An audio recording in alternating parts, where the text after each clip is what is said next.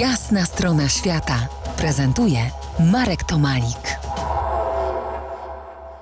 Moim gościem profesor Kolegium Medicum UJ Tomasz Rogula, wychowanek profesora Zdzisława Janaryna, o którym po jasnej stronie świata dziś rozmawiamy. Wspominamy dziś y, postać profesora Zdzisława Janaryna, który z początkiem lutego odszedł od nas. Kondoryn interesował się etosem człowieka, za słynnym humanistą i filozofem Antonim Kępińskim, u którego pisał pracę doktorską, interesował się cierpieniem.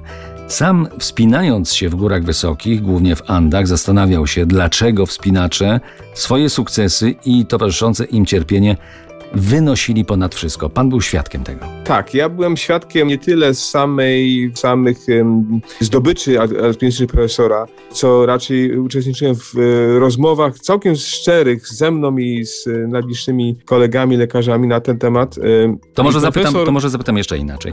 Tak? Jak pan sądzi, dlaczego z uczestnika wypraw wysokogórskich stał się obserwatorem siebie i swoich współtowarzyszy?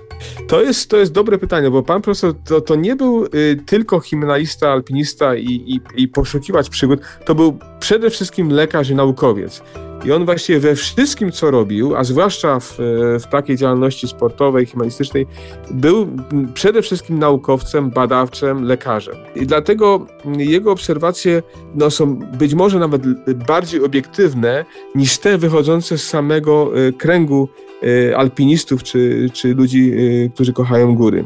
W 1971 roku profesor uzyskał stopień e, doktora po obronie rozprawy, której promotorem był profesor Kępiński. Tytuł tej rozprawy Zaburzenia psychiczne u alpinistów w warunkach stresu wysokogórskiego.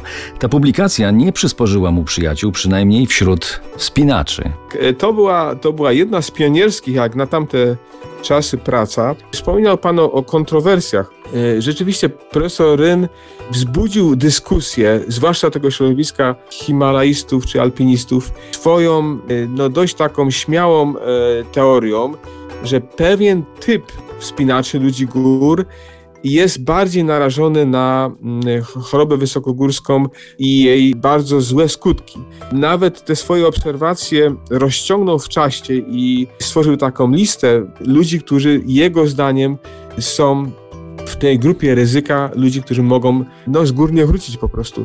I niestety ta lista y, się sprawdziła. Po wielu latach, z 80 prawie nazwisk, które on wytypował 35 osób już nie żyło. To była rzeczywiście głęboko podbudowana naukowo praca naukowa, która w przebiegu jego badań, ale także w nowych badaniach z ostatnich lat dosłownie potwierdza się, więc te jego pionierskie obserwacje jak najbardziej uzyskały jak gdyby status no, dziedziny naukowej, która, która jest powszechnie uznawana w tej chwili. Bardzo dziękuję za, za ten głos. Ja tylko uzupełnię, że w 1979 roku profesor Ryn habilitował się na podstawie pracy Układ Nerwowy a Wysokość, zespół Astenii Wysokogórskiej, a w 1994 roku otrzymał naukowy tytuł profesora. Za kilkanaście minut ostatnia nasza rozmowa i spotkanie wspominkowe z profesorem Zdzisławem Janem Rynem. Zostańcie z nami. To jest jasna strona świata w RMS Classic.